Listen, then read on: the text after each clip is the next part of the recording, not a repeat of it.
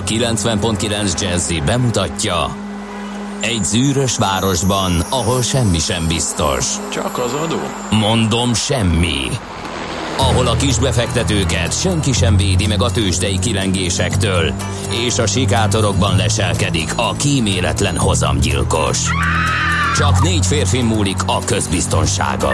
Hadnagy urak, merre vannak? A mindenre elszánt és korrumpálhatatlan alakulat vigyáz a rendre minden reggel. Ezek az állati nyomozók? Négy férfi egyeset és egy nyalóka. Ács Gábor, Gede Balázs, Kántor Endre és Mihálovics András. Az íróasztal mögül pedig Profit kapitány diktálja a tempót. Humor, emberi sorsok, közönséges bűnözők és pénz, pénz, pénz. Egy különleges ügyosztály. A Gazdasági Muppet Show minden hétköznap reggel a 90.9 Jazzin. De is figyelj, ne csak a bárányok hallgassanak. De miért? Ha nincs pénzed azért, ha megvan, akkor pedig azért. Millás reggeli. Szólunk és védünk.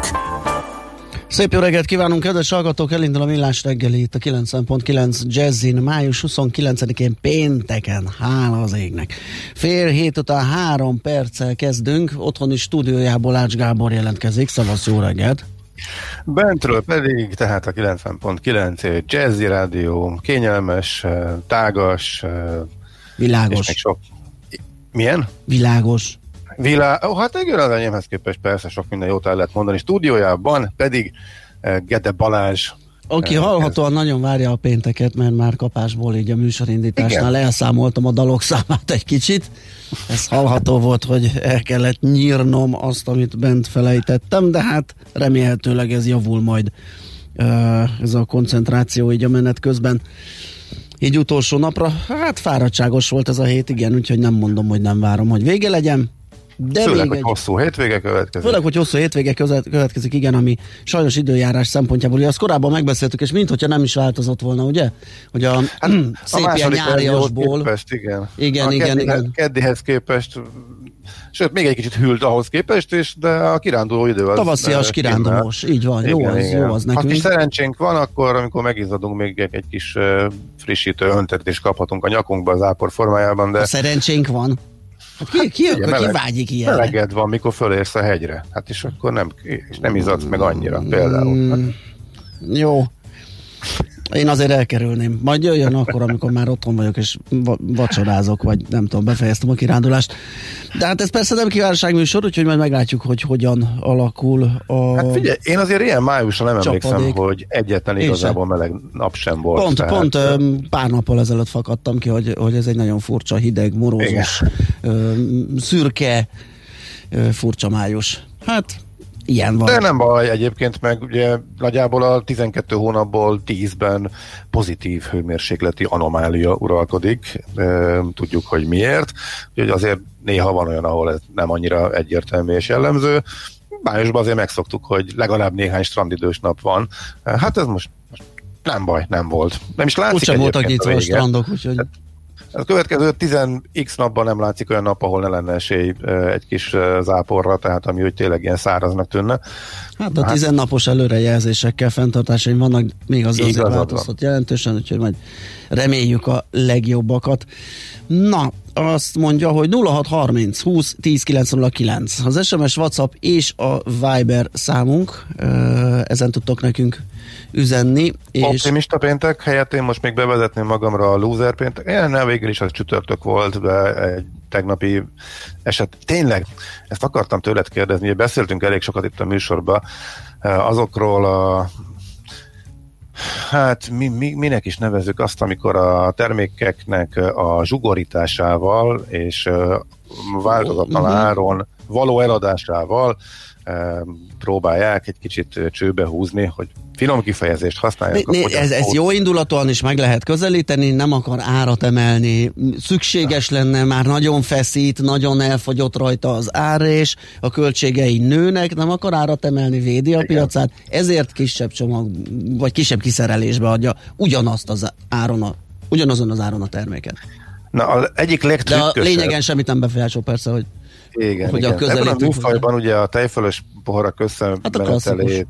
volt ugye a klasszikus, és sok-sok példát megbeszéltünk, de az egyik legkeményebb az elmúlt évben, amiben jól beleszaladtam nyilván, eh, pedig súly miatt észre lehetett volna venni, az a e, sága virslinek az összemenetele, ó, méghozzá olyan módon, hogy a közepét vették ki, tehát a tízes e, csok, e, csomag. Oh, jaj, e, az praktikussági, akkor azt te érted, van vásárló, hogy ne nyisd meg az ötös csomagot, aztán amit nem eszel meg, benyákosodik és kidobhatod, hanem kinyitsz kettőt, Aha. a másik zárva marad, a kettőt meg, és a kettőt majd megeszed máskor, frissen, Aha. ropogósan Értem. kivéve az acskóból. Hát nem szóval ezért lett kétszer négy, mert hogy biztos biztos, hogy nincs olyan, ha értem. Tehát mert mi négyesével leszük, és külön elcsomagolnánk. És véletlenül pont ugyanolyan áron bevezetve, mint ami addig a, a tízes csomagolás volt. Na, szóval... Az a hozzáadott érték rajta. Igen, a hozzáadott értéket azt néhány jól elhelyezett káromlás uh-huh. mellett fedeztem föl,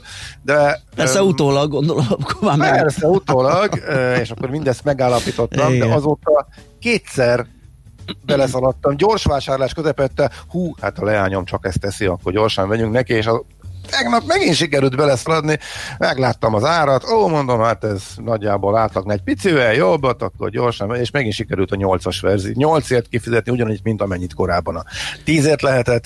Zseniális húzás egyébként. Figyelj, egyébként ez annyira elharapozott, hogy, hogy, hogy senki ne vásárolja a rutinból. Tehát már a 40 dekás tésztás zacskótól a 90 Igen. dekás kávéig egy csomó mindent láttam már, ahol ez... 86, már már nem kerek 86. Számok, igen, abszolút. Tehát nagyon-nagyon-nagyon durván Igen. megy, de, de ez, amikor a közepe hiányzik a virslinek, és így elhajlik, és csak akkor veszed észre, amikor túl vagy rajta, ez különösen a, hát nagyon aljas, nagyon bosszantó kategória, de alapvetően ügyes nyilván, hogyha az ő szemszögből nézzük, e, nem semmi. Tehát úgy megcsinálni, hogy az egész valahol pont ugyanakkor legyen, és a közepe hiányozzon, na hát az, e, ezt kitalálni, hát igen. Ez, igen, hát ez, ez, ez, ez, már van, ez, ez, ez a termékfejlesztés, ez, ez van érted, kedves igen, vásárló, igen, igen. Ezt tessék megböcsülni, hogy foglalkoznak veled, és gondolkodnak, hogy neked mi a jó. Így van, nehogy kiszáradjon. Így van, egyébként, de nem. Tehát teljesen logikus. Na, hát mi optimista pénteket jól kezdjük, egy nagy durrogással, de hát nem, nem megígérjük, hogy majd nem Nem durrogás, kérem szépen, a marketing szépségeiről beszélget. Ja, igen. Kérlek szépen, Fergábor már írt nekünk, pontosabban egy képüzenetet küldött, ami egy ilyen általános meka, meta, na, általános matek példaként tünteti fel azt, ami egy zseniális eleme volt az ördögi Royce Lade-nek, ennek a régebbi ilyen komikus western filmnek, ahol ö, ö, a főhős hát az utcára se tudott kilépni, úgyhogy ne legyen nála négy pisztoly, két lefűrészelt csövő, ö, ilyen gombóc alakú bomba a csizmájába, meg nem tudom én micsoda. És amikor próbálják jó útra téríteni, és leszerelik a fegyvereit, és meg kéne, és most indulj el tegyél meg egy 10 métert, és így nyeklik, botlik, mert egész egyszerűen teljesen a frászon rajta, hogy nincs nála egy darab fegyver se. Na neki teszi föl az ő képzésének része az a matematikai feladat, ugye, hogy mondd meg, hogyha van nem tudom, hat banánod, és a szomszédod elvesz hármat, akkor hány banánod marad? És arra a válasz az ugye, hogy hat és egy halott szomszédom. Na most egy ehhez, ehhez hasonló feladványt tett közzé Fer Gábor, ha van 4000 forintod, és az egyik barátod 2000, a másik barátod 500 forintot kér kölcsön, mennyit marad? A megoldás 4000 forintom és kettővel kevesebb barátom. igen, igen, igen. Jaj, nagyon jó. Na, úgyhogy ide várunk erre a számra, tehát a 0630 20 10 909-re Ö, akár ilyen vicces ö, dolgokat, akár fontos útinformációkat is, így a hétvégén hogy alakul az utak világa. Én a ö, Balatoni úton semmit nem vettem észre, sőt, mint hogyha még lazább lett volna, mint a hét többi napján lehet, hogy mindenki elkezdte a uh-huh. három napos, négy napossá átprogramozni, és egy, egy, egy nagyobb pihenésben gondolkodik. A születésnaposaink között is van egy olyan figura, aki egy egészen elképesztően népszerűvé váló vicc inspirálója, lehet azt mondani, amely aztán önálló életre kelt, és az elmúlt években nagyon-nagyon sokszor, sokszor jött szembe. Egy amerikai történet, és amerikai emberről van szó, illetve hát ő születésileg brit, de kiskorában Amerikába költöztek, és a száz év, amelyet élt, annak a nagy részét Amerikában is töltötte. 117 éve született Bob Hope, amerikai színész, író, humorista, hát az stand mondjuk úgy igazából, tehát a, az egyik legismert, tehát a műfaj mondhatjuk azt, hogy egyik legnagyobbra, legnagyobbja e, megalapítója, és hát e, valamikor a, a válság után, tehát így a 2010-es évek elején ment nagyot, és akkor lett óriási, és terjedt el ez a mondás, hogy Amerikában, hogy 10 years ago we had Steve Jobs, Bob Hope and Johnny Cash. Now we have no jobs, no hope, ja, and no cash.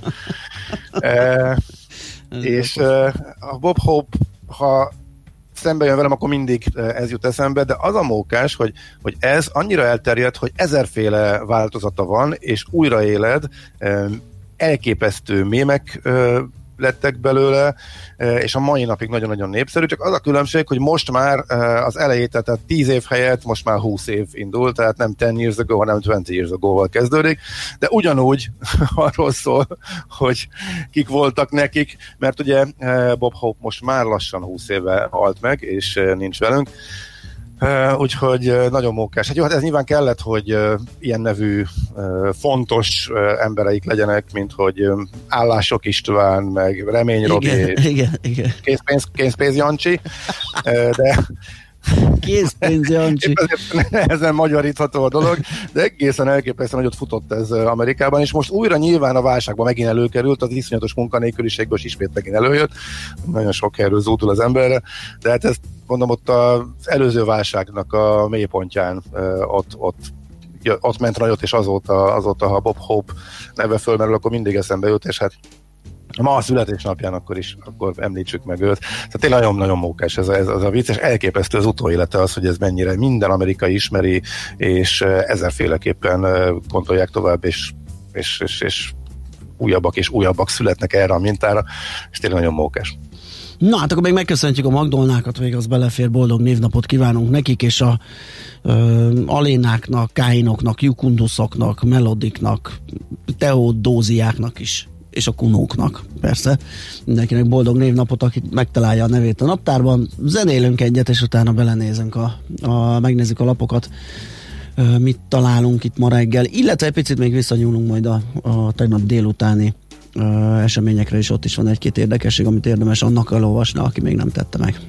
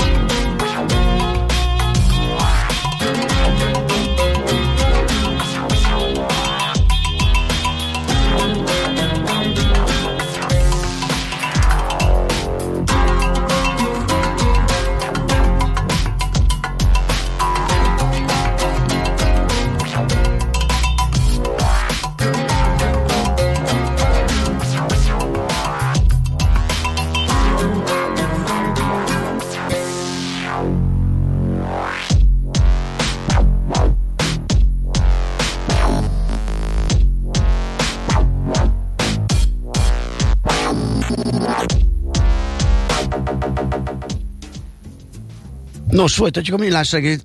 Bocsánat, itt a 90.9 Jazzy még hozzá lapszemlével és uh, megnézzük, hogy ki mit ír. Uh, említettem, hogy egy kicsit visszanyúlunk a tegnapi naphoz, több szempontból, vagy két szempontból legalább. Az egyik, hogy az Indexen Bruckner Gergely írta meg azt a Hát nem találgatás, hát még nem tudjuk ugye, hogy pontosan mi az oka annak, hogy Nagy Márton ilyen sebben lobbal távozik a jegybank alelnöki posztjáról. A körülményeiről ír Brückner Gergő, hogy eléggé eléggé gyorsan született a döntés, tehát ez azt feltételezi, hogy nem önszántából állt fel, és egy esemény előzte meg, vagy egy előzte volna meg ezt az egészet, hogy május 27-ére lett betervezve este fél hétre Zsidai Viktorral, akivel mi sokat beszélgettünk, ugye befektetési szakember, portfólió menedzser, alapkezelő, egy, egy csörte, egy ilyen online vita, amit aztán a jegybanki oldalról visszavontak, és már ez is ilyen furcsa volt, ezután jött a, a bejelentés, hogy Nagy Márton távozik Úgyhogy uh, ilyen körülmények közepette egyelőre nem tudni, hogy egész pontosan mi lehetett a kiváltók, uh, szűnt meg az ő alelnöki pozíciója, és a cikkben még uh, Brückner Gergő azt is találgatja, hogy a felreppent, vagy teljesen logikus, ha nem ilyen körülmények között, és nem ilyen gyorsan áll fel, hogy esetleg a Magyar Bank Holding élének vezetésének a várományosa uh, lehet Nagy Márton ez egy lehetséges opció volt, vagy esetleg még benne is van a tarsolyba, bár a cikk feszegeti meg, latolgatja az esélyeseket, és ő éppen nem tartozik közéjük. Alapvetően ilyen személyi, uh, ilyen nehéz embernek tartják egyrészt, úgyhogy sikerült már kereskedelmi banki uh, főnökökkel elég szépen összerúgni a port és, és hát nincs is úgy annyira beágyazódva abba a körbe, ahonnan kikerülhet majd a Magyar Bank Holdingnak a, a, a vezére. Úgyhogy erről, ez egy tegnap délutáni indexcikk, erről lehet olvasni itt. Igen, tehát inkább a személyi surlódások Igen. játszanak ebben szerepet, illetve Nagy Mártonnal kapcsolatban a, a régóta ismert uh, személyi dolgok, most nem tudom, hogy lehet ezt igen finoman megfogalmazni, vannak benne, tehát a konkrét okot azt nem lehet, nem sikerült megtudni, és ez általában így is van. Ezt egy nagyon szűk kör tudja csak. Arról már korábban is mentek plegykák, hogy ezek a surlódások mióta egy teljesen eltérő habitusú új alelnök érkezett a jegybankba Patai Mihály, Mihály személyében, azóta felerősödtek, de nyilván ezt a legszűkebb körben tudják csak, hogy miért ez lett a történet vége. Minden esetre az önmagában érdekes. Volt annak idején, hogy Nagy Márton még az előző stábból maradt ott, tehát amikor a matolcsék megérkeztek, akkor azért elég magas szintig lecseréltek szinte mindenkit, és Nagy Márton volt az, aki már az előző időszakban is, tehát a Simor András nevével fémjelzett jegybankban is már magas pozícióban volt, és tehetsége miatt elég fiatalon jutott erre a szintre. Úgyhogy annak idején igen volt nálunk is többször vendég a műsorban. Úgyhogy majd talán többet is megtudunk erről, de az biztos, hogy nem a szakértelmével volt a probléma. Á, ez kizárt, igen. Is, igen. Sokat plegykáltak, illetve sok információ mondjuk, hogy szivárgott ki a jegybankból, hogy túl sokan, túlságosan önjárónak tartották, és nehezen lehetett vele kijönni, illetve hogy tényleg elég konfliktusos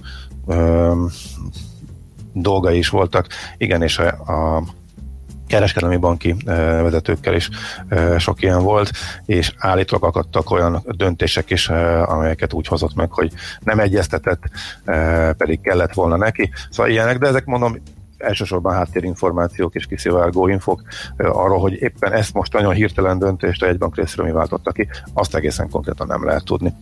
És, Na, még, és igen? még mindig tegnap délután a portfolio.hu lehet olvasni azt az összefoglalót, amit ugye beszélgettünk az ingatlan rovatunkban a rosdölvezetek fejlesztéséről, és arról ugye, hogy tegnap délután egy lakásklub online rendezvényen Füriás Balázs további részleteket árulhat el, ezt meg is tette, és aki ezekkel esetleg nem találkozott, az a portfolio.hu-n olvashat róla azokról a, a nagy ívű fejlesztési tervekről, amelyek a, az úgynevezett rozsdövezet, ugye ez az elhagyott üzemi gyár övezet terület helyén óriási lakóparkokat készül létrehozni, méghozzá úgy, hogy a befektetőknek is nyitott, akár egész tömböket megvehetnek, tehát ezzel párhuzamosan egy bérlakás program is elindul végre, amit nagyon sokat hiányolt a szakma, meg hát természetesen a, a lakhatási problémákkal küzdők, akiknek most elérhetetlen esetleg egy új vagy egy használt lakás is,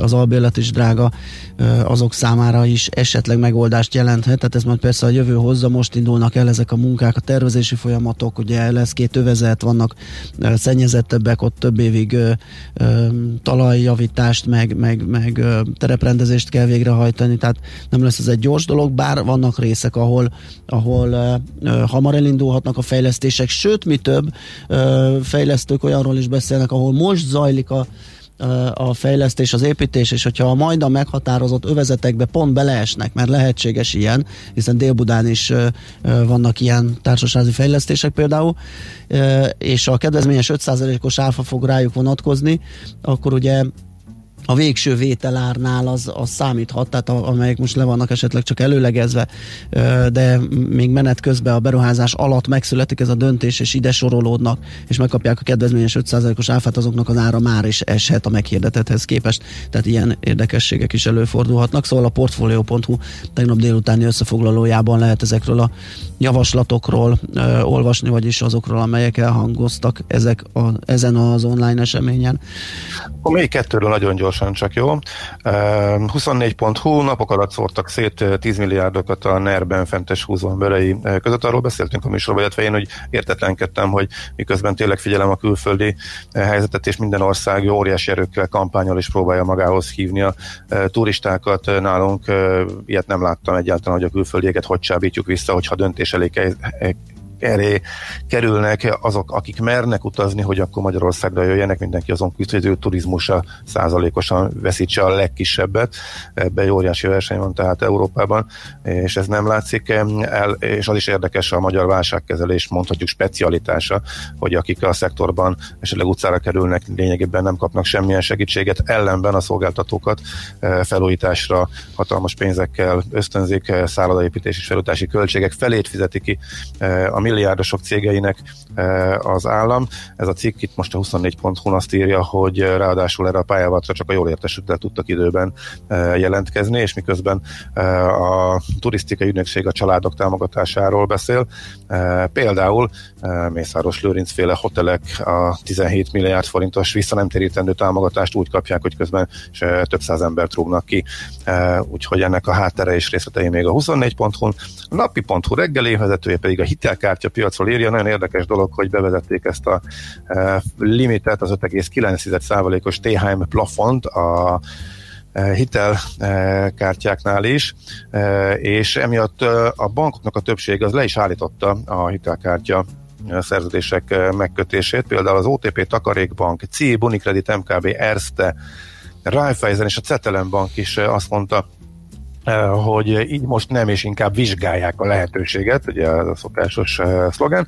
Mások viszont éppen lehetőséget láttak benne, úgyhogy uh, eh, KH és a Budapest Bank például beszáll, és ők nyilván abban bíznak, hogy ez 5, uh, a, ez a plafon ez csak a az idei évre érvényesek, utána meg szépen meg lehet emelni, és hogyha ezek az ügyfelek nem mennek el, akkor ez, amikor 18 és 26 százalék fölé nő, jelenállás szerint, akkor ezen majd tudnak eh, valószínűleg némi profitot realizálni. Én ez annyit tennék még hozzá, tehát ez a napi.hu eh, cikke, hogy eh, egy kicsit siránkozik a, a, a cikk arról, hogy viszonylag alacsony a hitelkártya penetráció Magyarországon, és ez nem is nagyon nőtt az elmúlt időszakban, illetve csökkent. Ugye a csökkenésben az is benne lehetett, hogy tavaly egy volt egy nagyon kemény vágás, tehát a hitelkártyákhoz járó kedvezményeket, azt azért a bankok nagyon levitték ezeket a bizonyos pontokat, visszatérítéseket, amelyek a hitelkártyákhoz tartoztak, több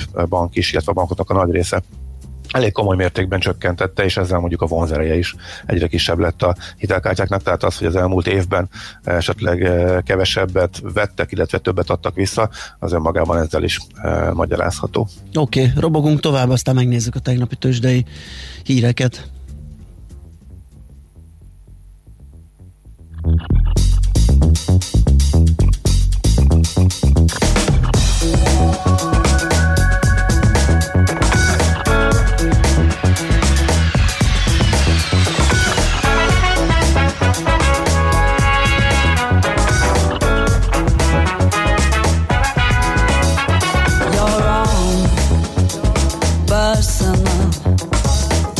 Jesus.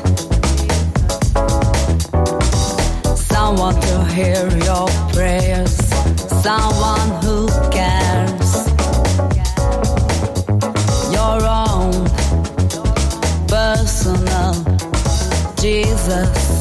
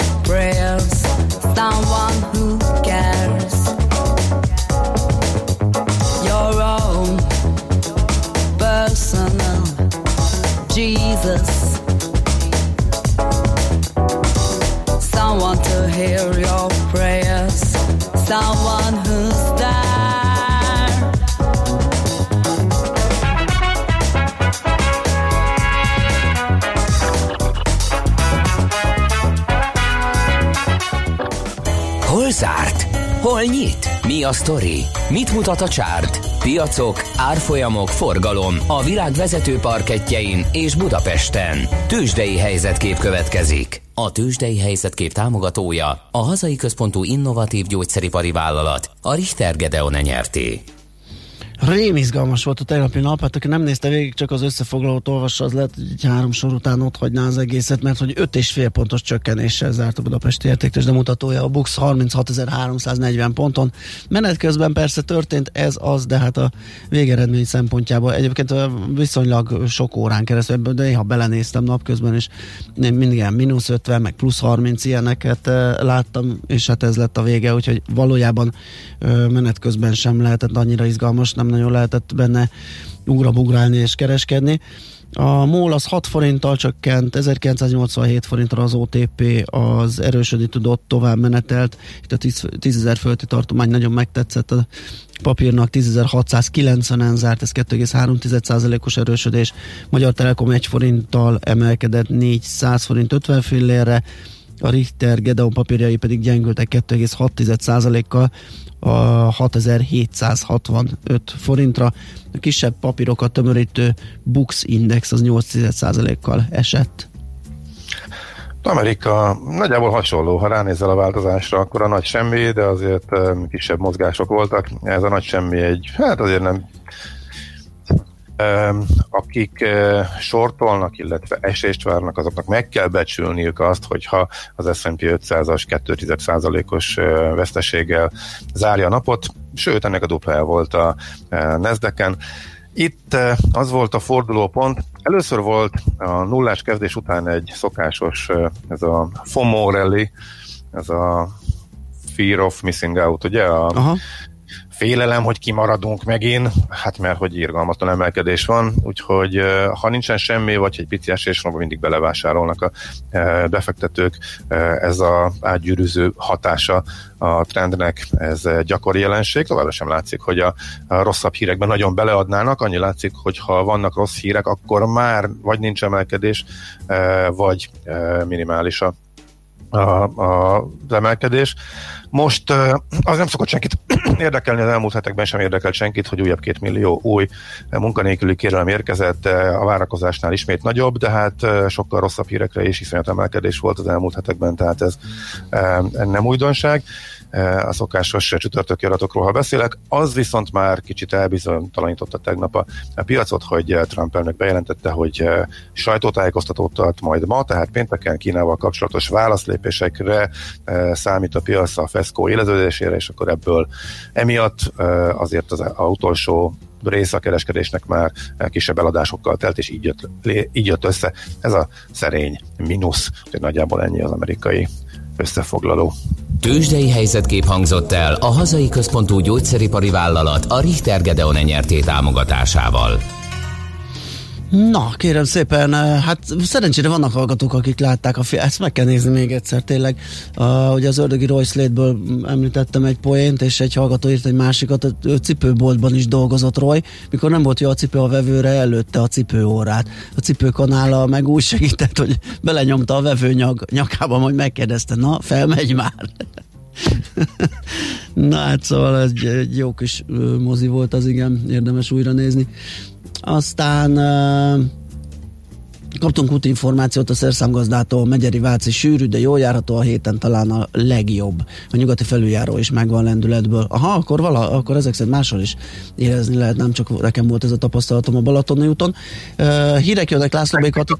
Viszont kifejezetten súlyos, súlyos volt már, már vízmentes időkre emlékeztető forgalommal találkoztam. Na az is arra, arra, arra, annak lehetett az előszele, hogy már már viszont meg kevesebben ülnek autóba, kevesebben mozognak. 0630 20 10 909 ide várunk infókat, akár az alatt is, amíg László Békati híreket mond, de persze figyeljetek azért rá is, és utána pedig visszajövünk, folytatjuk a millás reggelit a 9.9 Jazzin. Műsorunkban termék megjelenítést hallhattak. New York, London, Hongkong, Budapest. Tűzsdei helyzetkép a legfrissebb árfolyamokkal, zárási adatokkal, kibocsátói hírekkel a Millás reggeliben minden hétköznap reggel 6 óra 50 perckor. Long vagy short, Mika vagy medve. A tőzsdei helyzetkép támogatója, a hazai központú innovatív gyógyszeripari vállalat, a Richter Gedeon nyerté. Hírek a 90.9 Jazzin. Megkezdődött a magyar lélegeztetőgépgyártás. Szeptember végéig hétvégente a gyalogosoké lesz a Pesti alsórakpart. Napsütés, záporzivatar és erős szél mellett 20 fok körüli hőmérsékletre számíthatunk ma. Köszöntöm a hallgatókat, következnek a részletek. Indul a lélegeztetőgép gyártás Magyarországon, és hamarosan létrejön egy nemzeti laboratórium is, amelyben vírusokkal foglalkoznak majd a szakemberek.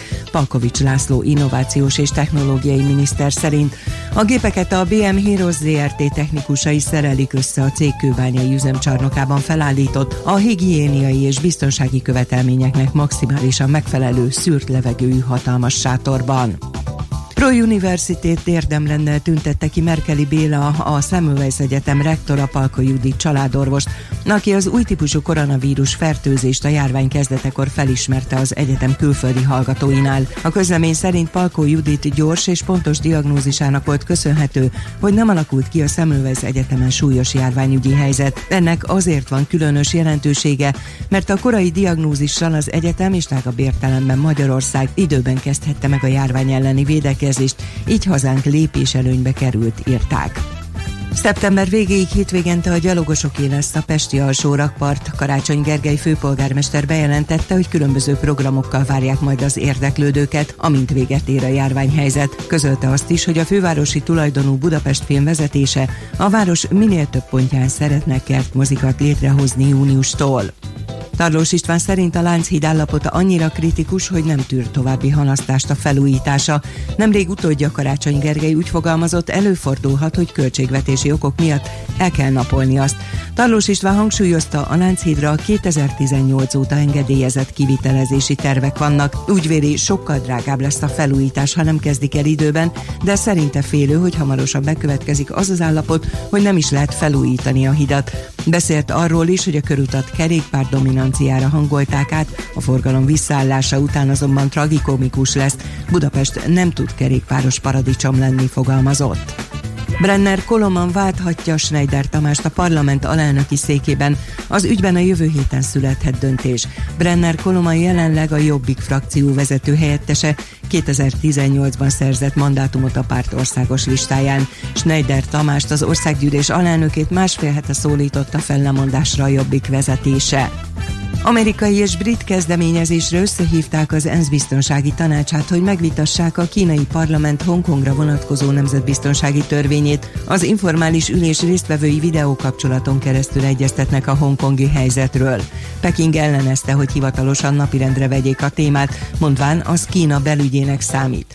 Tegnap az Egyesült Államok, Nagy-Britannia, Kanada és Ausztrália is azzal vádolta meg Kínát, hogy a sokak által bírált jogszabály elfogadásával megsértette nemzetközi kötelezettségeit.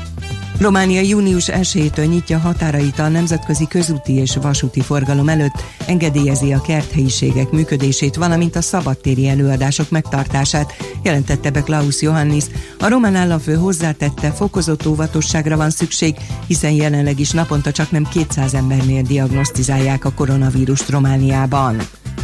Az időjárásról ma többfelé alakulhatnak ki átmeneti jelleggel futó záporok, zivatarok, a hosszabb, rövidebb napos időszakok mellett, de nem mindenhol várható csapadék. Élénk erős lesz a szél, délután 17-23 fok között alakul a hőmérséklet. A hírszerkesztőt László B. Katalint hallották hírek legközelebb fél óra múlva. Budapest legfrissebb közlekedési hírei a 90.9 Jazzin a City Taxi Dispécsejétől. Jó reggelt kívánok a kedves hallgatóknak! Jelenleg a városban jól lehet közlekedni, de már érénkül a forgalom, és ez igaz a bevezető utakra is. Egy kis előzetes a pünkösdi hosszú hétvégére lezárják naponta 8 és este 8 óra között az autósok el az Üllői ott Vármház körül Sóház utca, Közraktár utca, Kinizsi utca által határolt területet.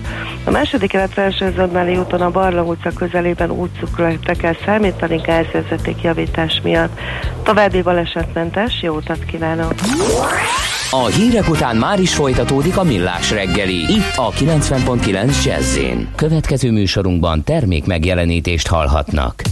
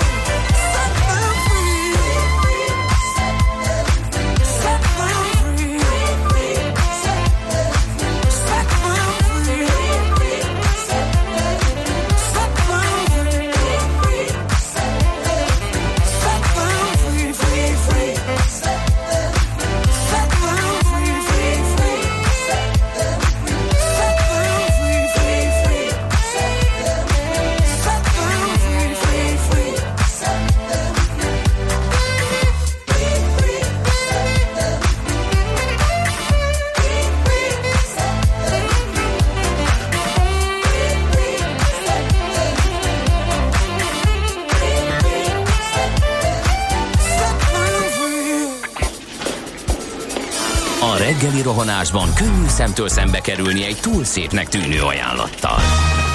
Az eredmény krétával körberajzolt tetemes összeg. A tethelyen a gazdasági helyszínelők, a ravasz, az agy és két füles csésze és fejvállalakzat.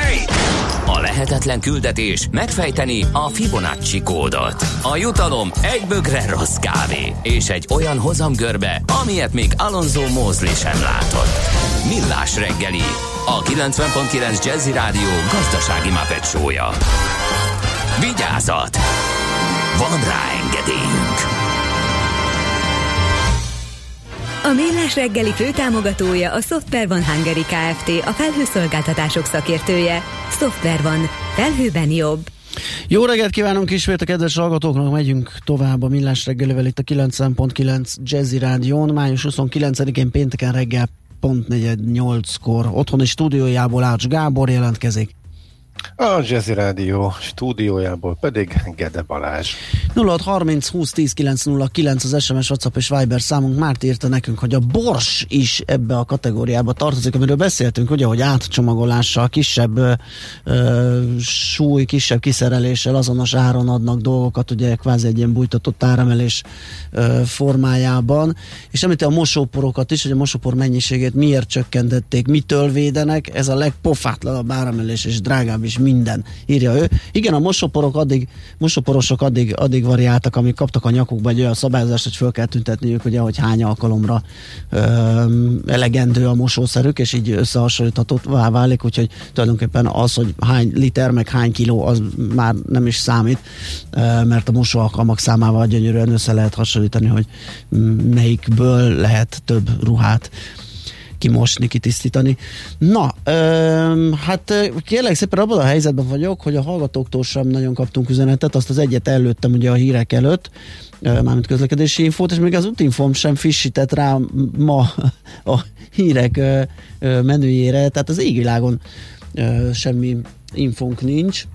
Kérjünk a hallgatóktól, és Kérjünk a hallgatóktól, igen, a tegnap délutánról ír még egy hallgató, hogy tegnap délután a meg nem tartott késelés, tüntetés miatt nem lehet mozdulni a kiskörútra, két-három autók mentek át egy zöldre a Bajcsiról, plusz a nagykörúton van egy folyamatosan tömött sáv, és egy általában teljesen üres bringa. Mondom ezt objektíven, minket szerencsére nem befolyásolt hátrányosan, csak a nyugati felüljáróról láttuk érdeklődve. Ma reggel. A helyzetet. Igen, igen, igen. Hát azt tudjuk csinálni, hogy ma reggel egy tegnap délutáni helyzetjelentést tudunk közéadni, mert ez, ez van. Na, de viszont akkor megyünk tovább, megnézzük, hogy budapesti információnk esetleg van-e több. Budapest, Budapest, te csodás! Hírek, információk, érdekességek, események Budapestről és környékéről. Na, itt szerencsére jobban állunk, mert van információnk például a strandok nyitásáról, vagy akár a e, Budai várba is fel lehet ballakni, mert e, május 30-ától már ingyenes lát, látogathatóvá teszik a Táncsics utca 9 alatt található régészeti kiállítás szabadtéri részét. Az első, az első bástya, igen, című szabadtéri régészeti kiállítás megtekinthető tehát szombattól. Ugye beszéltük, hogy pont az időjárás ilyesmire lesz alkalmas, hogy akár oda felslattyogjunk, körülnézzünk, hogy uh, hogyan nézett ki ez a uh, várrész, illetve hogyan néz ki most. A várkapitányság közleményében kiemelte, hogy a szervezők egészségvédelmi intézkedéseket vezetnek be, nyitvatartási időben két óránként fertőtlenítést végeznek a korlátokon, a mosdók felületein. A helyszín járatához készfertőtlenítő automatát telepítenek az értékesítő és őr munkatársak maszkot, kesztyűt viselnek, a pénztárnál plexifal védi a látogatókat, úgyhogy ilyen körülmények között lehet majd majd ö, oda látogatni. A tárlaton... Igen, elzárt terület volt, és tavaly nyitott meg, uh-huh. és mondják újra, és nagyon érdekes. Úgyhogy ez az, ami, hogy hát igen, az időjárás az erre lesz alkalmas. És igen, és beindulnak a tematikus budai várséták is 30-ától, tehát holnaptól, tehát akár azon is részt lehet, részt lehet venni és uh, sétálni a, egyet. Igen, strandokat illeti, nem is annyira, a nyitásokról már egyébként beszéltünk ugyanebben a rovatban, hogy most a hétvégén, sőt van, aki már uh, hamarabb uh, nyitott, úgyhogy most arra gondoltam, hogy egy kicsit a fejlesztésekről ennek apropóján, ha már nem lesz strandidő, még belátható időtávon uh, belül, mert hogy elég sok ilyen volt. Az egész évben nyitva tartó uh, palán, hogy pestiek, a pestiek nagy része mondja, tehát a Palatinuszon van egy csak nem 1000 négyzetméteres külön kialakított új játékblokk, három, csoport, három korcsoportra külön kialakított játszótér, családias környezetben, vizes terepasztal van hozzá, meg gumiburkolatos láptengópálya, és felújították a fitnessparkot, a kültéri fitnessparkot, pont olyan dolgokat, amiket a leghamarabb lezártak a járványveszély miatt az elmúlt időszakban, de hát bízunk benne, ugye, hogy ez, amint enyhül vagy elmúlik, akkor ezeket majd lehet és érdemes is lesz használni. A Pascalban egy 90 négyzetméter vízfelület. Ez örök vita, hogy Pascal vagy Pascal. Ja, ja igen, Pascal egyébként, Ugye? de nekem valami, igen. igen nekem, nekem se áll a számra. A mindig kijavítottak, és teljesen igazuk is van, szóval igen. Szóval a Pascalban. Télen-nyáron használható kültéri ülőmedence beépített sakkasztal, hát beszivárgott ide is, hogyha már gondolom, összes külföldi azt gondolja, hogy a magyar az olyan, hogy a fürdőben áztatja a minden testrészét és sakkozik, mert hogy Szerintem mióta a Lonely Planeten és egyéb utikönyveken a Széchenyi fürdőnek a sakkozó jelentek meg címlapon, azóta elterjedt ez, mi meg nem is tudunk róla. Na, de most már fogunk, úgyhogy most a magyarok által látogatott fürdőbe is bevitték ezt a vízbeépített sakkasztalos dolgot, úgyhogy ez is lesz a Paskában, illetve már van is, 3000 négyzetméteres új füves terület is van, emellett zöld terület is megnőtt, stb. stb. Csillaghegyen pedig egy hatszintes létesítmény, érdekes a hegyoldalban, Aligben egy új úszómedence, versenyek és vízilabda meccsek megtartására is alkalmas, 500 négyzetméteres gyerekparadicsom, úgyhogy van itt minden, de azt mondja, a pünkös fürdő nyit a legkésőbb az, ami még talán nem nyitott ki, majd csak júniusban, azt hiszem egy korábbi hír szerint, de ezt most csak emlékezetből mondom, úgyhogy akit érdekel, az nézze mindenképpen utána, mielőtt esetleg elég. Még az árakról egy pár szó, egy toligot tudunk mondani, hogy a felnőtt belépők ára 1800 és 3100 között változik, a kedvezményes, tehát a gyerekdiák nyugdíjas az 1005 és 2006 között, a családi belépők már ahol vannak, ott pedig 3004 és 9600 forint között alakul az ár. A Csillaghegyi az most kicsit így külön is fel van tüntetve, mert az új wellness részleg még nem működik. A belépők ára hétköznap egységesen 1000, hétvégén 1200 forint, úgyhogy ezekkel kell kalkulálni. Na, akkor mehetünk is tovább szerintem. Elmondom még egyszer, hogy 0630 20 10 909 az elérhetőségünk, SMS, WhatsApp és Viber számunk ez. Nekünk a Gellért hegy a Himalája. A Millás reggeli fővárossal és környékével foglalkozó robata hangzott el.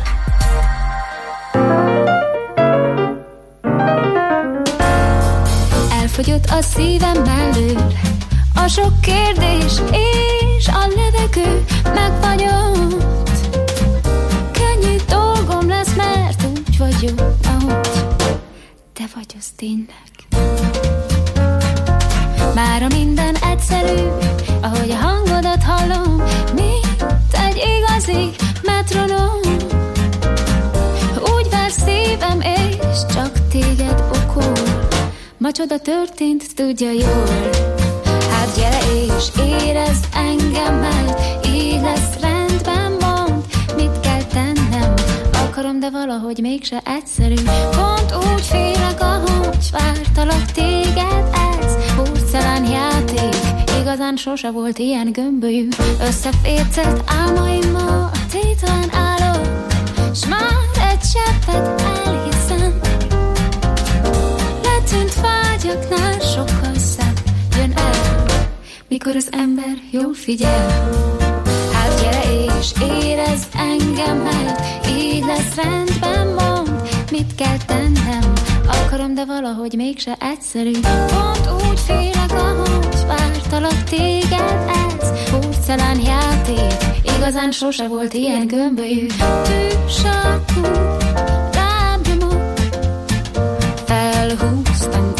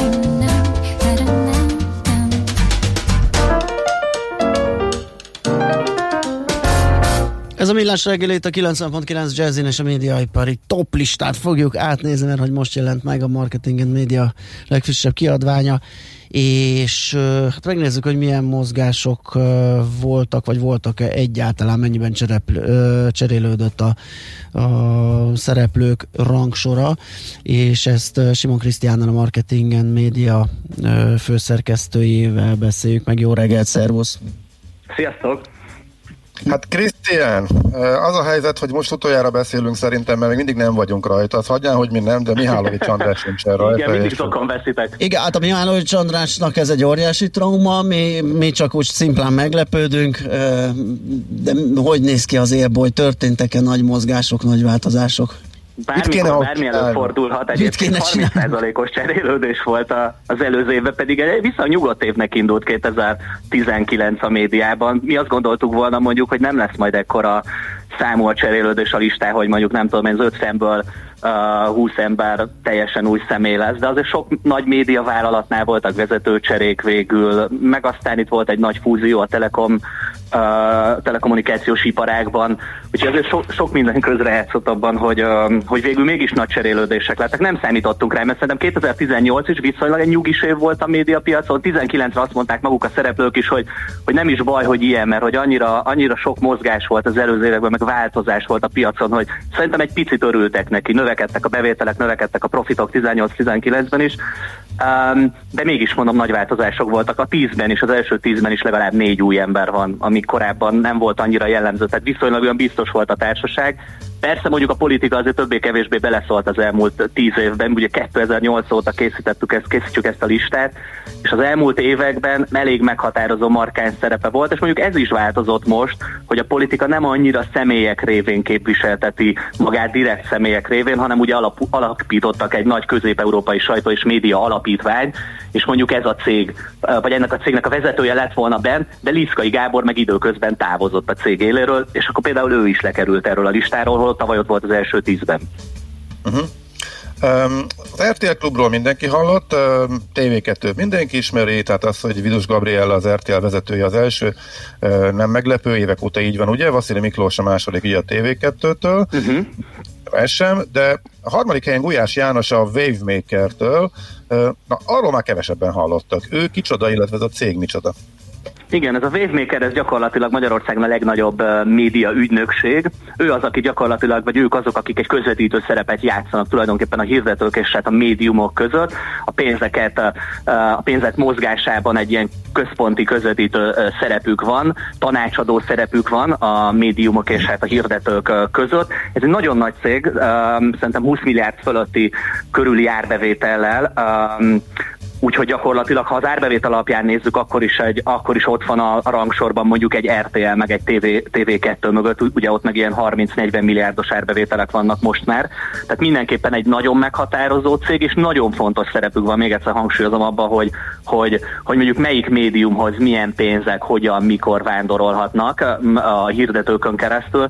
Szóval egy abszolút meghatározó cég, egyébként világszinten is, szóval, hogy ez a, az egyik legnagyobb ilyen uh, um, cég, média ügynökség világszerte is. Tehát Gulyás Jánosnak a szerepe is abszolút magyarázható ezzel, plusz hát ő a Magyar Reklámszövetség elnöke, és a Magyar Reklámszövetség is szerintem ti is sokat hallottatok róla az elmúlt időszakban, azért Uh, ilyen központi helyen volt a médiában, nagyon sokszor fölemelték a szavukat, hallatták a hangjukat, ugye itt volt reklámadó, voltak mindenféle iparági megszorítások, megint csak a, a, a már a média törvény, meg a 2010-es média, új média törvény óta sokkal többet szerepel a Magyar Reklámszövetség, sokkal inkább ki kell, vagy ki tud állni mondjuk a szakma érdekeiért, és János ennek a szövetségnek az elnöke, úgyhogy az ő szerepe gyakorlatilag ezzel magyarázható, vagy pozíciója.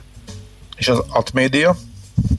Az S-Media az pedig egy, az pedig egy televíziós sales house, tulajdonképpen a, a TV2 csoport uh, sales house de a közmédiában például a rádiók reklámidejét is értékesítő, reklámidő értékesítő cég, olyan, mint az RTL mellett az Airtime, ez is egy körülbelül 20 milliárdos forgalmú um, cég, tehát az Etmédia is egy nagyon, hát egy nagyon nagy cég ott a TV2 csoport uh, mellett. Tulajdonképpen szervesen kapcsolódik egyébként hozzá.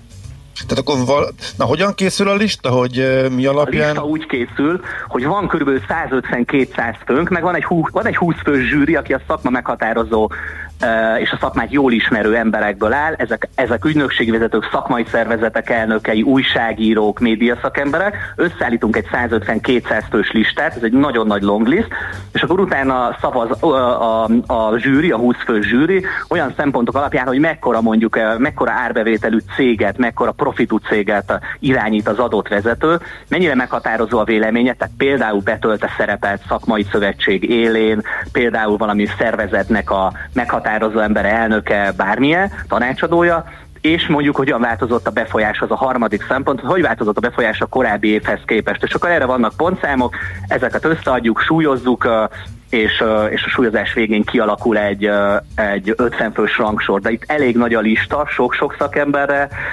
Úgyhogy, és hát így nyilván mutatják azok az emberek, akik eltűnnek az évek folyamán, azok a longlistről is eltűnnek, azok az emberek, akiket mondjuk például egy Pavel Stancsev, a TV2 vezérigazgatója, aki most az ötödik helyezett, ő tavaly a karrierhírünkben szerepelt ugyanebben a labban, mert akkor nevezték ki a TV2 vezérigazgatójának, de azóta irányít egy, pont most adták ki a közleményüket a TV2 csoportnál, hogy 40 milliárd volt tavaly a forgalmuk, az árbevételük, szóval, hogy egy, egy bazi nagy céget vezet, és mondjuk egy éve van itt.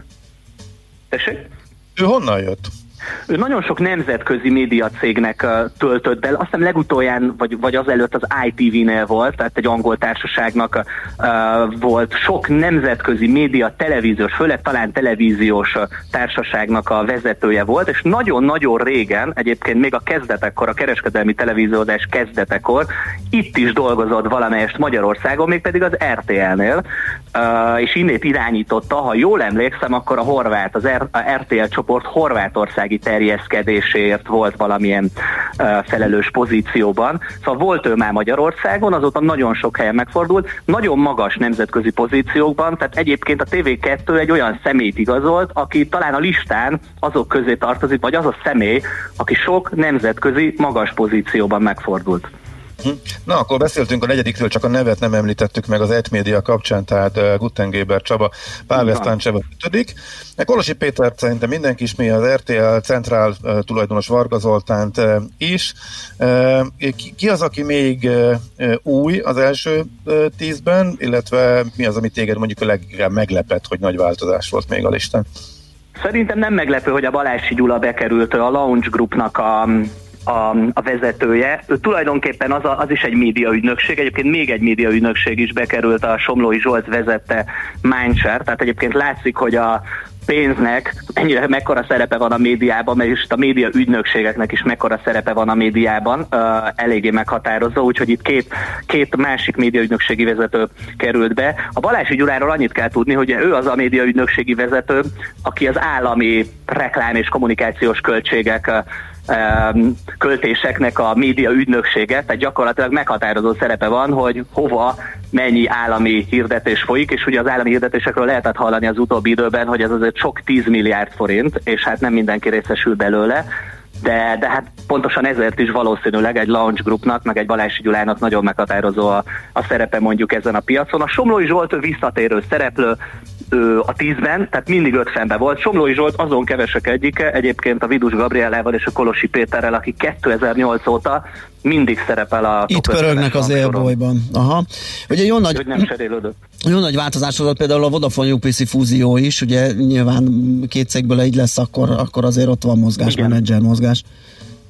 Igen, igen, igen, és ugye a telekom cégeknél is talán egy picit magyarázatra szólunk, mert nagyon sokan azt gondolják, hogy látjuk, ugye rengeteg a, rengeteg a telekommunikációs hirdete és a televízióban, Aha. a printen, a, a különféle területeken, de nem elsősorban ezzel vannak ott a telekom cégek, hanem valószínűleg azért, mert a terjesztésben van igen. irdatlanul meghatározó szerepük, tehát ők azok, akiknek a szolgáltatásokon, hálózatukon keresztül tulajdonképpen a csatornák eljutnak mindenhová, és az a terjesztési bevétel, amit ugye a háztartások után a, kapnak meg a disztribútorokon keresztül, keresztül, vagyis hát a, a telekom szolgáltatókon keresztül a televízió, például az egy RTL csoportnál, vagy egy TV2 csoportnál, hát az sok-sok milliárd forint, uh, úgyhogy meg, és hogy nyilván azok után, hogy mondjuk egy csatorna hány háztartásban látható, hány emberhez jut el, tehát borzasztó nagy bevételek származnak utána, nem mindegy, hogy milyen, melyik háztartásban milyen csatorna érhető el. És hol vannak a főszerkesztők, akik mondjuk hát azért befolyásolnak? Az a jó hír, hogy visszakerültek jó páram, Uh, és mert ez nekem mindig egy ilyen szívfájdalmam volt az elmúlt években, mindig azt vettük észre, hogy csökken, és talán mi magunk is így, így, így érezzük, meg hát ti is, hogy valahogy kevesen, kevés főszerkesztő van ezen a listán. Most visszakerült az új Péter, aki nagyon sokszor rajta volt, bekerült a Pető Péter, ugye az új Péter a 444, bekerült a Pető Péter a 24.hu főszerkesztője, Dúl Szabolcs az Index.hu főszerkesztője is ott van, uh, és ami nagyon érdekes, hogy ezek mind-mind online főszerkesztők. Tehát ami, ami furcsa, meg ami egy picit, hát most mondjam azt, hogy gáz, hogy nincsen Magyarországon olyan print lap uh-huh. főszerkesztő, aki rajta van ezen a listán, pedig, pedig nagyon rajta kellene, hogy legyen. Azért régen voltak. Ha más nem, akkor a bulvárlapok főszerkesztői rajta voltak, de most ezek így valahogy nagyon hiányoznak, a print. A, a jó hír, hogy legalább az online főszerkesztők ott vannak. Tavaly kevesebben voltak, és valahogy talán azt érezzük, lehet, hogy ez a mostani helyzet egyébként, mert itt az év elején felfokozódott hangulat, meg ez a lista, amikor készült, akkor már volt egy kis koronavírus járvány, szóval bármit már kiütött. Nagyon-nagyon megnőtt egyébként a, Szerintem az, hogy ők visszakerültek, abban ennek az évelei helyzetnek volt, volt nagy köze. Oké. Okay. Hát köszönjük szépen, izgalmas, izgalmas egy lista. Na, hát érdekesen alakul, úgyhogy majd követjük, hogy a jövő évi hogyan, hogyan változik. Köszi még egyszer. Rukolak nektek is. Oké, okay, belehúzunk. Köszi szépen, jó munkát, szép napot. Sziasztok. Szia. Sziasztok. Simon Krisztiánnal, a marketing és média főszerkesztőjével beszélgettünk a top listáról, média mm, top listáról. Megyünk tovább László B. Kati híreivel, aztán pedig jövünk vissza és folytatjuk a millás reggelit itt a 90.9 Jazzin. Műsorunkban termék megjelenítést hallhattak. Mindenkinek vannak pénzügyei. Ha van pénze azért, ha nincs, akkor meg azért. A 90.9 Jazzy magyar-magyar gazdasági szótára minden hétköznap élőben segít eligazodni a pénzvilágában. Tősde, depisza, árupiac, makrogazdaság, személyes pénzügyek. Tippek, ötletek, szakértők és egy csipetnyi humor. Millás reggeli, a gazdasági mapetsó. Minden hétköznap 10-ig. A Millás reggeli főtámogatója a Software van Hungary Kft. A felhőszolgáltatások szakértője. Software van. Felhőben jobb. Rövid hírek a 90.9 Jazzin. Aláírta a köztársasági elnök azokat a törvényeket, amelyeket a felhatalmazási törvény elfogadása után nyújtott be a kormányoldal, és amelyeket köztük több kétharmados többséget igénylőt a múlt hét kedden el is fogadott az országgyűlés. Ezek közé tartozik egyebek mellett a Budapest-Belgrád vasútvonal kivitelezésének gyorsításáról és az ahhoz kapcsolódó szerződések tíz évre szóló titkosításáról, hat egyetem alapítványi fenntartásba helyezéséről, a színházak felügyelőbizottságainak átalakításáról, a Városliget változtatási tilalmának eltörléséről, a nem változtatás elismerésének jogi lehetőségének megszüntetéséről, különböző szociális intézményeknek otthont adó ingatlanok egyházi fenntartók tulajdonába kerüléséről, kulturális intézményekben foglalkoztatottak közalkalmazotti jogviszonyának átalakulásáról szóló törvény. Szeptember végéig hétvégente a gyalogosoké lesz a Pesti alsó rakpart. Karácsony Gergely főpolgármester bejelentette, hogy különböző programokkal várják majd az érdeklődőket, amint véget ér a járványhelyzet. Közölte azt is, hogy a fővárosi tulajdonú Budapest film vezetése a város minél több pontján szeretne kertmozikat létrehozni júniustól. A BKK közkívánatra visszaküldi az összes ellenőrét a járművekre. A munkatársaknak a jövőben azt is figyelniük kell, hogy az utasok betartják-e a másfél méteres távolságot. A BKK 2020 április elején a fővárosi önkormányzati rendészeti igazgatósággal együttműködve megerősítette a felügyeletet azokon a járatokon, ahol a visszajelzések alapján rendszeresen felbukkantak a szabályokat be nem tartó utasok, május eleje óta pedig közel teljes létszámmal végzik az ellenőrzést, de a tapasztalatok szerint vannak, akik megpróbálnak visszaélni a járvány miatt megváltozott körülményekkel.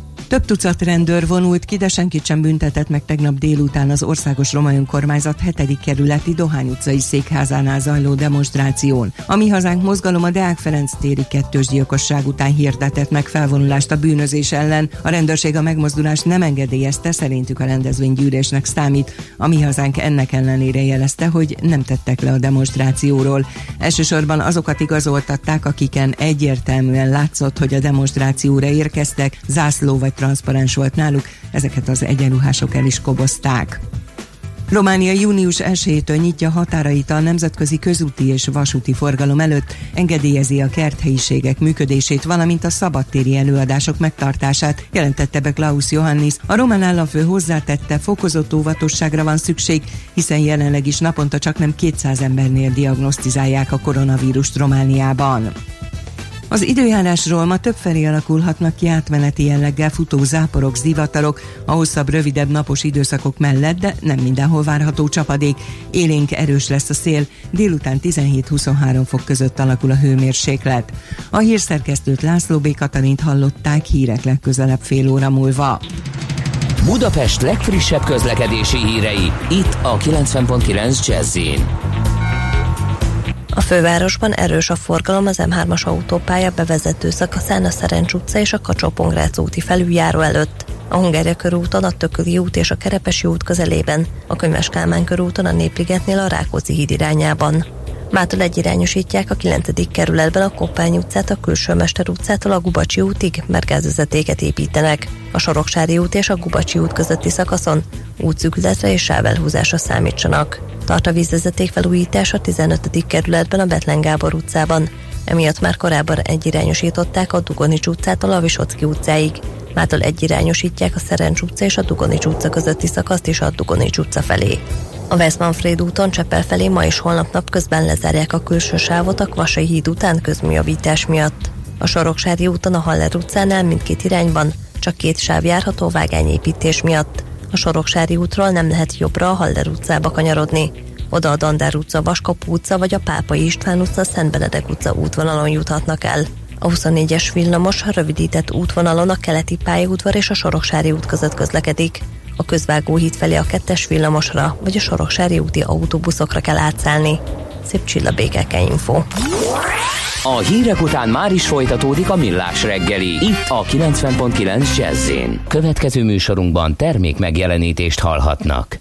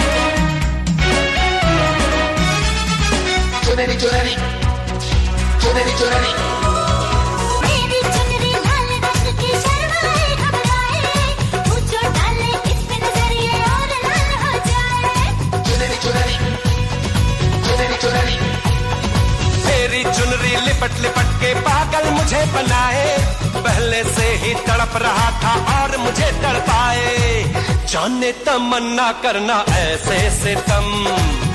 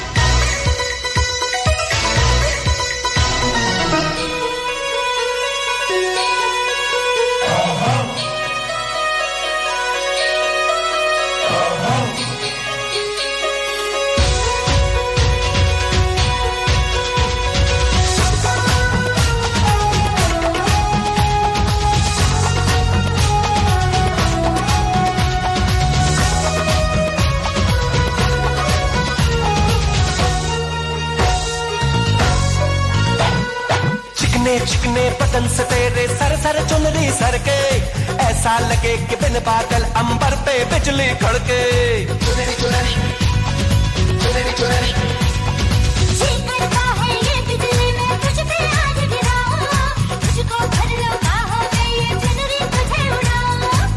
बढ़ता ही जाए दर्द होना खत्म।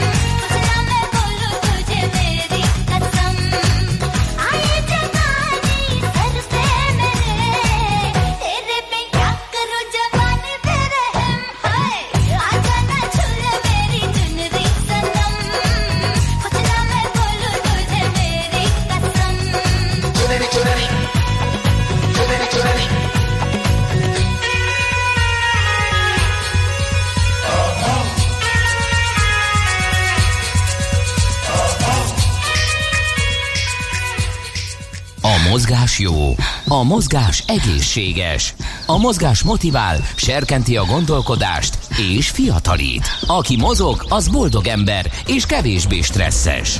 Pályán, ösvényen, vízben, nyeregben, egyedül vagy csoportosan, labdával vagy anélkül, mindegy. A lényeg, hogy mozog. Épp testben. Na hát most már jönnek a lazítások nagyjából, és szép lassan kezd visszatérni az élet. Hát, hogy ez a futórendezvényekre, futóeseményekre hogyan hat, mikor lehet megint versenyeket rendezni, azt Korán Tamással, a Futapest klub elnökével beszéljük át. Jó reggelt kívánunk! Vírusmentes reggelt mindenkinek. Igen, mi most a jelen állapot, hogyan kell értelmezni a jogszabályváltozásokat, mi vonatkozik a futóversenyekre, mikor lehet újra rendezni ilyeneket? Most szerdán érkezett egy jó hír, mert megjelent egy új kormányrendelet, ami lehetővé teszi a szabadtéri sportversenyek megrendezését, akár nézőkkel együtt is. Ke- kell egy kis átfutási idő, mert újra kell en- szervezni a versenyeket, mert eddig bizonytalanság volt, de, de most már tudunk versenyeket rendezni. Aha. Mennyire gyorsan tudják felvenni a fonalat a szervezők? Azért ez gondolom hirtelen jött. Nem tudom, hogy tudtak-e készülni, vagy állandó készenlétben voltak arra az esetre, hogyha jön a lazítás, vagy most kell gyorsan kapkodni és, és a szervezéshez hozzáfogni. Ne, nekünk szerencsénk van, mert egy kisebb egyesület vagyunk, kisebb rendezvényeket tartunk hamarabb át rövidebb idő alatt meg tudunk szervezni egy versenyt, mint a na- nagy versenyek, ahol több ezer póló, de az egyedi befutóérmet kell legyártani, nekik hónapok kellenek ahhoz, hogy előre meghirdessenek egy versenyt. Szerintem mi két, két héten belül tudunk majd versenyt rendezni, persze újra kell tárgyalni a versenyhelyszínekkel, hogy fogadnak-e minket, de remélem, hogy június 7-én mi már meg tudjuk tartani az első versenyünket. Azok mennyire rugalmasak a helyszín kijelölés, a, az engedélyek beszerzése milyen gyorsan szokott menni? Ez, ez településtől függ, van, ahol kisebb településeken általában mindent helyben el tudnak intézni, a helyi művelődési házat például saját hatáskörbe oda tudják adni, aminek hosszabb az átfutás, az például a természetvédelmi engedélyek, van, ahol nem is adtak ki hónapokig engedélyt erdészetek, természetvédelem a bizonytalanságra hivatkozva. Ilyenkor, ha már van egy engedély, egy másik időpontra, a másik időpontra gyorsan át lehet kérni az engedélyt, de ahol nem volt engedély, ott bizony meg kell várni a három hónapot. Uh-huh. A Futapest klub arról híres, hogy terepfutóversenyeket rendez körülbelül két hetente, és nagyon gyorsan reagál, és az oldalatokon volt egy ilyen érdekes információ, hogy vannak települések, hogy attól is függ a versenyrendezés, hogy a településeken mennyire félnek az emberek, vagy valami erre utaló dolog, tehát hogy van, ahol nem feltétlenül engedik be szívesen a, a, a versenyt. Ez továbbra is szempont lehet még a következő hónapokban, ettől is függhet, hogy éppen hova sikerül elmenni, vagy melyik versenyt sikerül megrendezni, melyiket meg nem. Igen, erre is kell gondolnunk, mert volt az az időszak, amikor teljes tiltás volt. Budapesten például lezárták a zöld területeket, és hétvégén a budapestiek kiáramolottak, kiözönlöttek a, a kedvelt kirándulóhelyekre, és azok megrémültek a rengeteg turistától, és ez a félelem valószínűleg még, még benne van most is ezekben a településekben, hogy nehogy oda vigyék a vírus, tehát e- erre igyekszünk tekintettel lenni, és elkerülni a konfliktusokat, mert hosszú távon szeretnék megőrizni a jó kapcsolatot mindenkivel. Uh-huh. Arra van lehetőség, hogy a versenyközpontot most a nyári időszakban teljesen szabad térre vinni? Tehát ugye eddig az a rendszer, hogy általában egy kultúrházban vagy iskolaépületben van a regisztráció, meg ott gyülekeznek az emberek. Ezt ki lehet tenni szabad térre legalább a következő időszakra, és ezzel is csökkenteni a fertőzés veszélyt, illetve a félelmeket mondjuk a helyiek részéről? Igen, ez 95%-ban a versenyközpont is megoldható szabadtéren sátrakban. Ugye ez egyetlen dolog a WC, ami épülethez kötött, tehát csak WC-be mosakodni mehetnek be az épületbe, de minden más szabadtéren megoldható. Uh-huh. Jó, hát ez nagyon jó hangzik. Akkor ezek szerint ez a most megjelent friss módosítás, ez most már akkor egyértelmű. Nekem így kívülről olvasva nem tűnt annak, de akkor így futóversenyek szempontjából ezek szerint ez most egyértelműleg látszik, hogy akkor indulhat a szezon végre? Akkor ezt kijelenthetjük? Hát egyenlőre indul, hogy mennyi ideig lesz így, azt nem tudjuk, mert ugye a vírus gondolkodásom módjában nem látunk vele, mikor akar újra támadni, de amíg ez a rendelet van, addig lehet rendezni mhm. versenyeket. Na, addig kell gyorsan futni, akkor hogy nem... Megvan utolsó kérdésként, igen, addig kell. Hogy akkor ez a jövő heti jó esetben akkor hol lehet, hogy kivel sikerül megállapodni, hogy hol lehet az első? Most éppen Vácátottal tárgyalunk, mert ott elmaradt egy verseny, és valószínűleg ott meg lehet oldani, de ha nem voltak másik elmaradt versenyközpontok is, mint Petőfi Bánya, Szigetmonostor, Kozd, de be, be vannak tervezve a következő helyszínek is, Bokot, Parázsfürdő, Szólád, de mindegyikkel újra tárgyalunk, hogy fogadnak-e minket. Uh-huh. Oké, okay, de akkor most Vácrát ott tűnik akkor a legvalószínűleg ezek szerint kezdésre, ugye? Igen. Uh-huh. Oké, okay, szorítunk. Köszönjük szépen a beszélgetést, örülünk, hogy így állunk már. Úgyhogy sok sikert a szervezésekhez. Köszönjük. De jó, viszont hallásra. Viszont hallásra. Koren Tamással, a Futapest Klub elnökével beszélgettünk arról, hogy visszatérhet az élet a futó események helyszíneit illetően is, illetve újraindulhatnak a versenyek. Épp testben. A millás reggeli mozgáskultúra rovata hangzott el. Ne feledd, aki mozog, az boldog ember.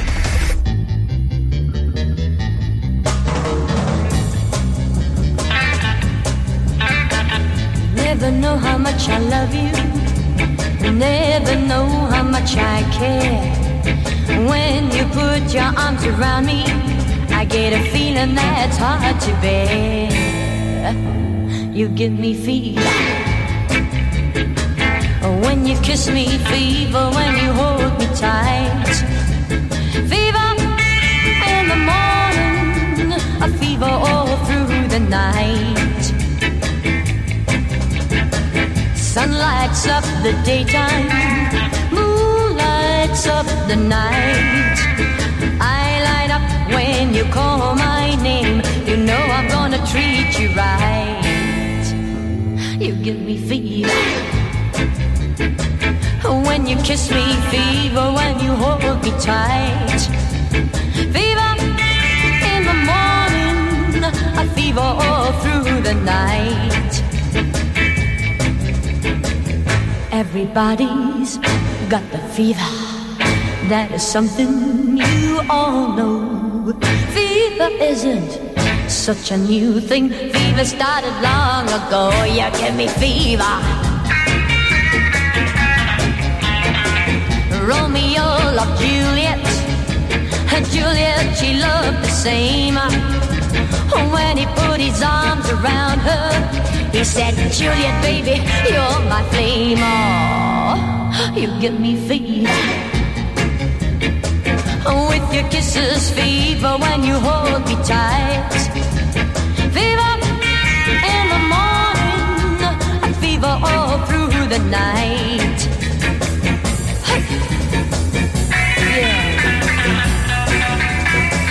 Captain Smith and Pocahontas, I had a very mad affair. Oh, when her daddy tried to kill him, she said, Daddy, Daddy, don't you dare. Oh, he gives me fever. Kisses, fever when he holds me tight.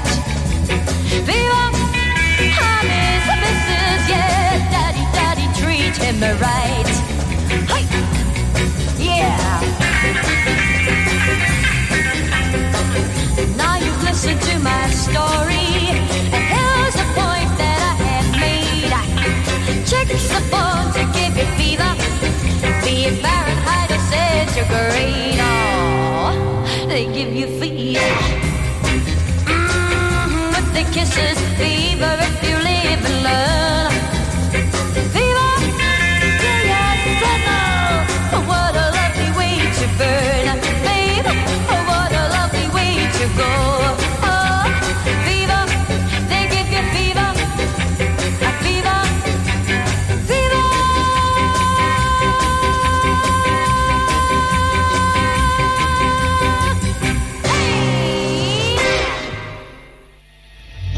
pénteki konklúzió a hét legfontosabb eseményeinek és adatainak tükrében? Zárjuk a pozikat és pihenjünk rá a hétvégére.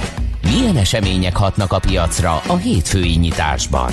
Devizák, részvények, tőke és árupiacok. Heti események és jövő heti felkészülés. Értékpercek. A millás reggeli treasury rovata következik. Nos, kérem szépen, a telefon túlsó végén, telefonvonal túlsó végén Csillag Zsigmond, az OTP Global Markets eh, osztályvezetője. Szia, jó reggelt! Jó reggel, sziasztok!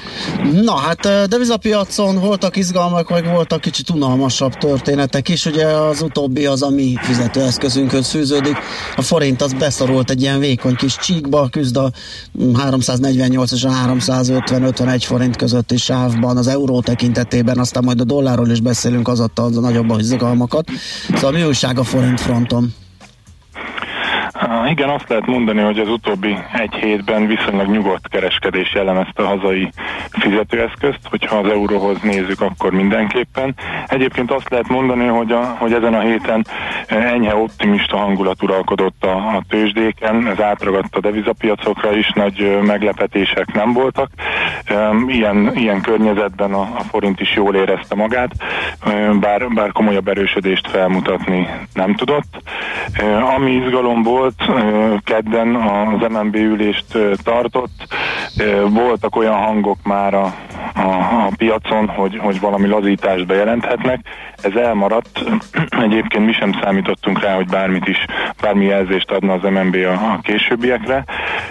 Ugye most két, két eszköz van, amivel elég aktívan mozgatja a, a forint likviditást a, piacon a jegybank. Az az egyik a, a hétfői swap tender, a másik pedig a, a, a tegnap megtartott, mindig csütörtökön megtartott betéti tender.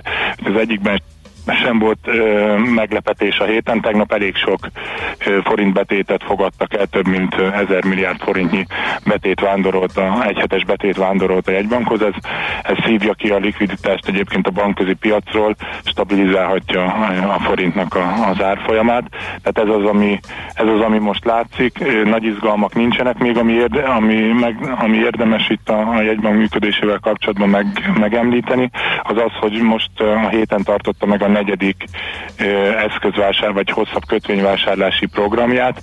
Ugye ezt korábban azért jelentették be, hogy a, hogy a magyar hozamgörbe hosszú oldalát stabilizálni tudják, legyen, felmutatnak némi keresletet a, a, a hosszabb kötvények iránt. Erről azt kell elmondani, hogy, hogy nincsen piaci nyomás igazából a Nemzeti Bankon. Látszik az, hogy az első ilyen tenderen 50 milliárdot, a másodikon 25, a harmadikon 15 milliárdot, és az ehetén csak 10 milliárdnyi állampapírt vásároltak. Ez azt jelenti, hogy nem igazán agresszívak az eladók a, a, a piacon. Magyarul az a nagy bizonytalanság, amit a koronavírus első hulláma okozott itt a, a, a magyar kötvénypiacon, az megszűnt. Ennek is köszönhető az, hogy egyébként a forint árfolyama is megnyugodott, és, és egyébként, egyébként a, a magyar piac is meg, meg tudott nyugodni. Tehát ez, ezt a hetet ez jellemezte, hogyha ha kinézünk egyébként kicsit, kicsit a nemzetközi vizekre, akkor láthatjuk, hogy a dollárban viszont voltak izgalmas Hú, az, az, az nem kicsit, két, két nagy számot, két big figure ment uh, hétfői nyitás óta az 1.09-ről most 1.11 fölötti árfolyamokat látok. Mi történik itt? Miért gyengül ilyen Iranban?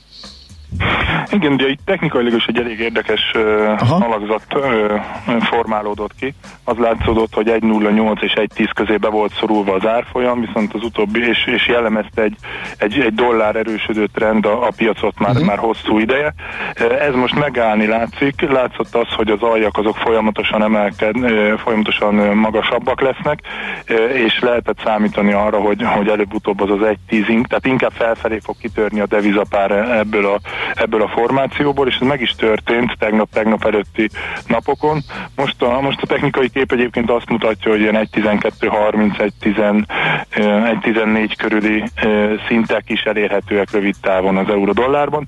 Ez segített egyébként az is, hogy itt az eurozónában azért, vagy, vagy itt az Európai Központi Bank, illetve a, a, a maga az EU sikerül valahogy összehozni egy olyan, olyan kombinációt, ami, ami azért siker, vagy, vagy, vagy Thank you.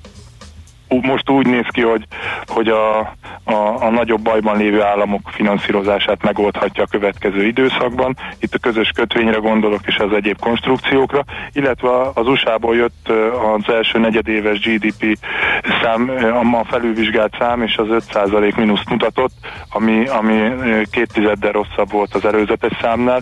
Ez, ez is gyengíthette a, a dollár, tehát most úgy látszik, hogy, hogy az eurozónából jobb hírek jöttek, ez segítette azt, hogy az euró az erősödjön a dollárral szemben. Oké, okay, és akkor még a részvénypiacokról egy pár szót.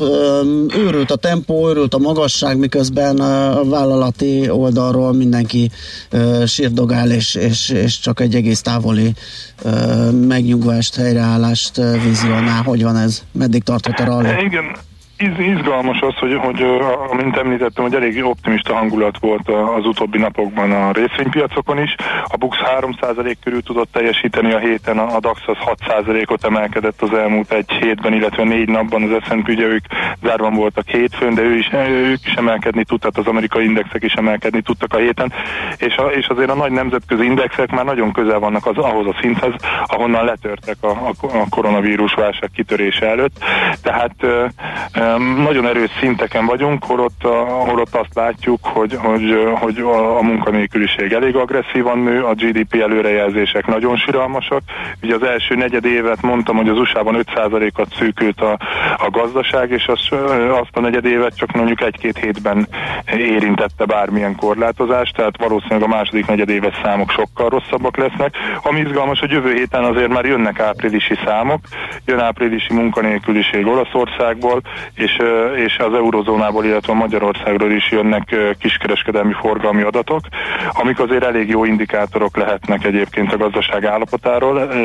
Mínusz 16,5%-os kiskeradatot várnak egyébként Magyarországról, itt, tehát a hazai piacról, az eurozónából még rosszabb a várakozás, ott 18%-os visszaesést prognosztizálnak. Hát ez majd jövő héten kiderül, lehet, hogy akkor jön egy kis korrekció a piacokon, mert ezek azért fontos adatok lesznek. Világos, oké, okay, köszönjük szépen a beszámolódat, jó munkát még már, aztán jó pihenést. Köszönöm, Szia. sziasztok! Csillag Zsigmonddal, az OTP Global Markets osztályvezetőjével ö, beszélgettünk. A hét legfontosabb eseményei és jövő heti felkészülés értékli Treasury rovata hangzott el. Szik Transit Gloria Mundi mondaná a művet műsorvezető, de csak én ülök itt.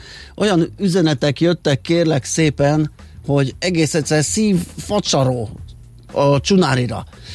Azt mondja, korán reggel miért kell ilyen bugyuta zenével terhelni az ember agyát? Írja Jóci. Aztán ezt a zenét létszi többet ne. Köszi Andor. Uh, urak, mi ez a zenezaj? Tripla dislike. Írja Viktor hallgató. Van, aki nemes egyszerűséggel csak azt kérdezi, ez mi a rosszabb? Hát kérem szépen, hát ez a rádió, kávé időszakából egy, egy, egy, egy, egy meghatározó, egy, egy mindent leíró, ö, régi emlékeket felevenítő dal, a Csunári Csunári, az előadóját hadd ne mondjam, É, és hát ilyet kapunk, hát tessék, így, így, a fiatalság, nem a régi jó dolgokból már, már nem marad semmi, ugye emlékszünk? Esküvő monszon idején, a mai ja, fiataloknak igen, már igen, sem igen, mond. igen, igen, ennek a filmnek a zenéje. Na jó, megyünk tovább László Békati híreivel, aztán visszajövünk, folytatjuk a millás reggelit. Műsorunkban termék megjelenítést hallhattak.